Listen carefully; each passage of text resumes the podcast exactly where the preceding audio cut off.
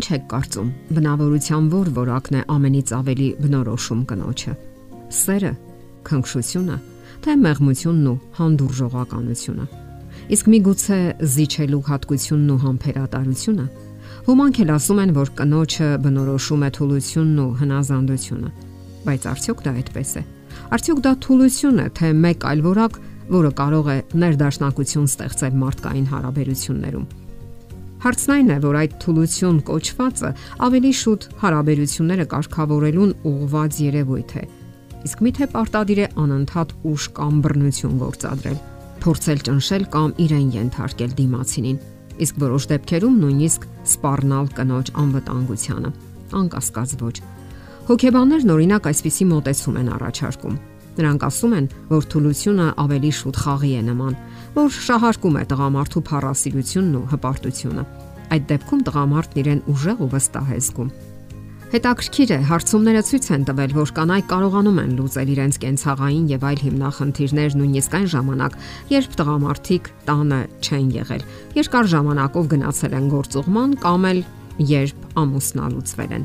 Իսկ երբ տղամարդը վերադառնում է, կանայք դիվանագիտորեն տղամարդուն ասում են, թե որքան դժվար էր իրենց համար առանց տղամարդու, որ ինչքան են չարչարվել, ինչքան դժվարություններ են ունեցել առանց նրա օգնության եւ նույնիսկ չեն զլանում ասել, որ նա իրենց փրկիչն է։ Դա իսկ այդ խոսքերի համար տղամարդն արդեն պատրաստ է ցանկացած զոհաբերության, չհաշված թանկարժեք ընծաները։ Սակայն Իրականությունն այն է, որ կանայք ված չեն գլուխանում կենցաղային հիմնախնդիրներից։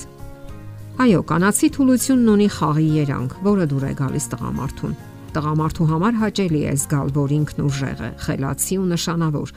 Իսկ ինքն էլ ցույց է տալիս, որ ինքը թույլ ու անօքնական է եւ խաղարկում է տղամարդկային փառասիրությունը։ Ինչ եք կարծում, երբ կինը ձեռքը մեկնում է տղամարդուն, Արդյոք ինքը չի կարող մի քանի աստիճան բարձրանալ առանց նրա օգնության։ Իհարկե կարող է։ Պարզապես նրա համար հաճելի է զգալ տղամարդկային խնամքն ու ջերմությունը, հոգատարությունը։ Իսկ տղամարդու համար էլ հաճելի է իրեն հովանավորի դերում զգալ, իր ուժն ու կարևորությունը դրսևորելու հնարավորություն ունենալ։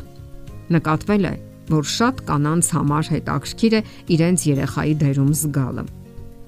Այդ դեպքում նրանց բավականություն է պատճառում այն գիտակցությունը, որ իրենց մասին հոգում են։ Ուշադրություն են դարձնում։ Մանրու մեծ գործեր են անում իրենց փոխարեն կամ ինչ որ ծառայություններ են մատուցում։ Ահա թե ինչու կանացի թուլության մասին առասպելը հարմար է երկու կողմերին էլ։ Նրանք սատարում են այդ գաղափարը եւ իսկապես բավականություն զգում։ Սակայն դա կարող է լուրջ խնդիրներ առաջացնել այն դեպքում, երբ կինը սկսում է դժբախտ զոհի կերպար խաղալ։ Ահա թե ինչու հարաբերություններում միշտ հարկավոր է որոշակի սահմաններ պահել, որոնք պարզապես անհրաժեշտ են։ Խոսելով կանացի բնավորության մասին, թուլության հետ համատեղ հիշատակում են հնազանդությունը։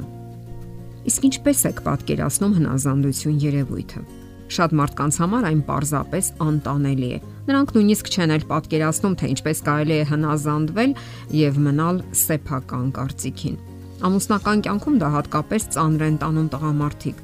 Շատերի համար դա պարզապես մահացու է եւ հավասարազոր է արժանապատվությունը կորցնելուն։ Սակայն եկեք քննարկենք այդ բառի իրական իմաստը։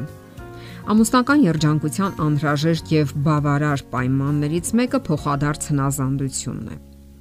Իսկ ինչպես է բնորոշվում բուն հնազանդություն հասկացությունը։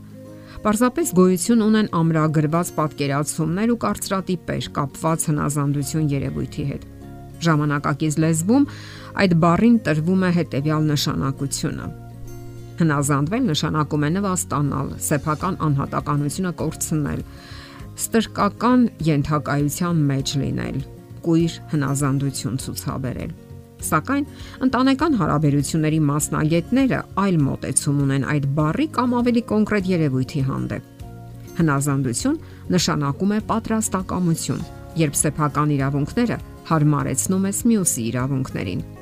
Մարդկային փոխհարաբերությունների իմաստն ու էությունը միմյանց հնազանդվելու, միմյանց զիջելու մեջ է։ Փոխադարձ հնազանդությունը ենթադրում է, որ ամուսնական հարաբերությունները միակողմանի չեն ինչպես պատկերացրել են բազմաթիվ դարերի ընթացքում։ Դա չի նշանակում, որ ամուսինը միշտ պետք է հրամաններ արձակի, իսկ կինը հնազանդվի։ Զիջել նշանակում է ընդունել դիմացինի անհատականությունը, մարդկային բնույթի առանձնահատկությունները։ Միայն այդ մարդուն բնորոշ ու յուրահատուկ որակները, հաշվի առնելով նրա դաստիարակությունը, աշխարհայացքը եւ այլ բնորոշ առանձնահատկություններ ու նրբերանգներ։ Հանդուրժողականությունը նաև դիմացինին հարմարվելու պատրաստակամությունն է։ Չէ որ ամուսինները կոչված են հարգելու միմյանց որպես հավասար անznավորություններ։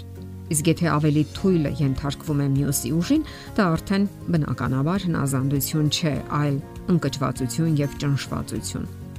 Ուժի դիրքերից սովորաբար խոսում են փաստարկների բացակայության դեպքում եւ այն էլ չհասունացած կամ թերարժեք անznավորությունները։ Նրանք անպատրաստ են ընդունելու դիմացինի անհատականությունն ու մարդկային կերպը։ Ասենք որ հնազանդությունն ամուսնության մեջ պարզապես անհրաժեշտ է օթի ու ջրի պես։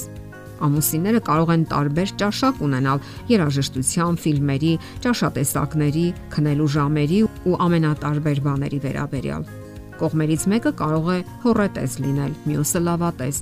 Մեկը կարող է թեթևորեն ծախսել դրամները, մյուսը խնայել Այս օրինակ անհամապատասխանությունների դեպքում անհրաժեշտ է հարմարվել միմյանց, որոշ զիջումների գնալ, այլապես անհնար կդառնա համատեղ կյանքը։ Դե ինչ, ձգտեք ավելի լավ պատկերացնել կնոջ էությունը, նրան բնորոշ կանացի թուլությամբ հանդերձ, եւ դա իսկապես կնպաստի ձեր ընտանեկան հարաբերությունների բարելավմանը։ Եթերում ընտանիք հաղորդաշարներ։ Ձեզ հետ է Գեղեցիկ Մարտիրոսյանը։ Հարցերի եւ առաջարկությունների համար զանգահարել 033 87 87 87 հեռախոսահամարով։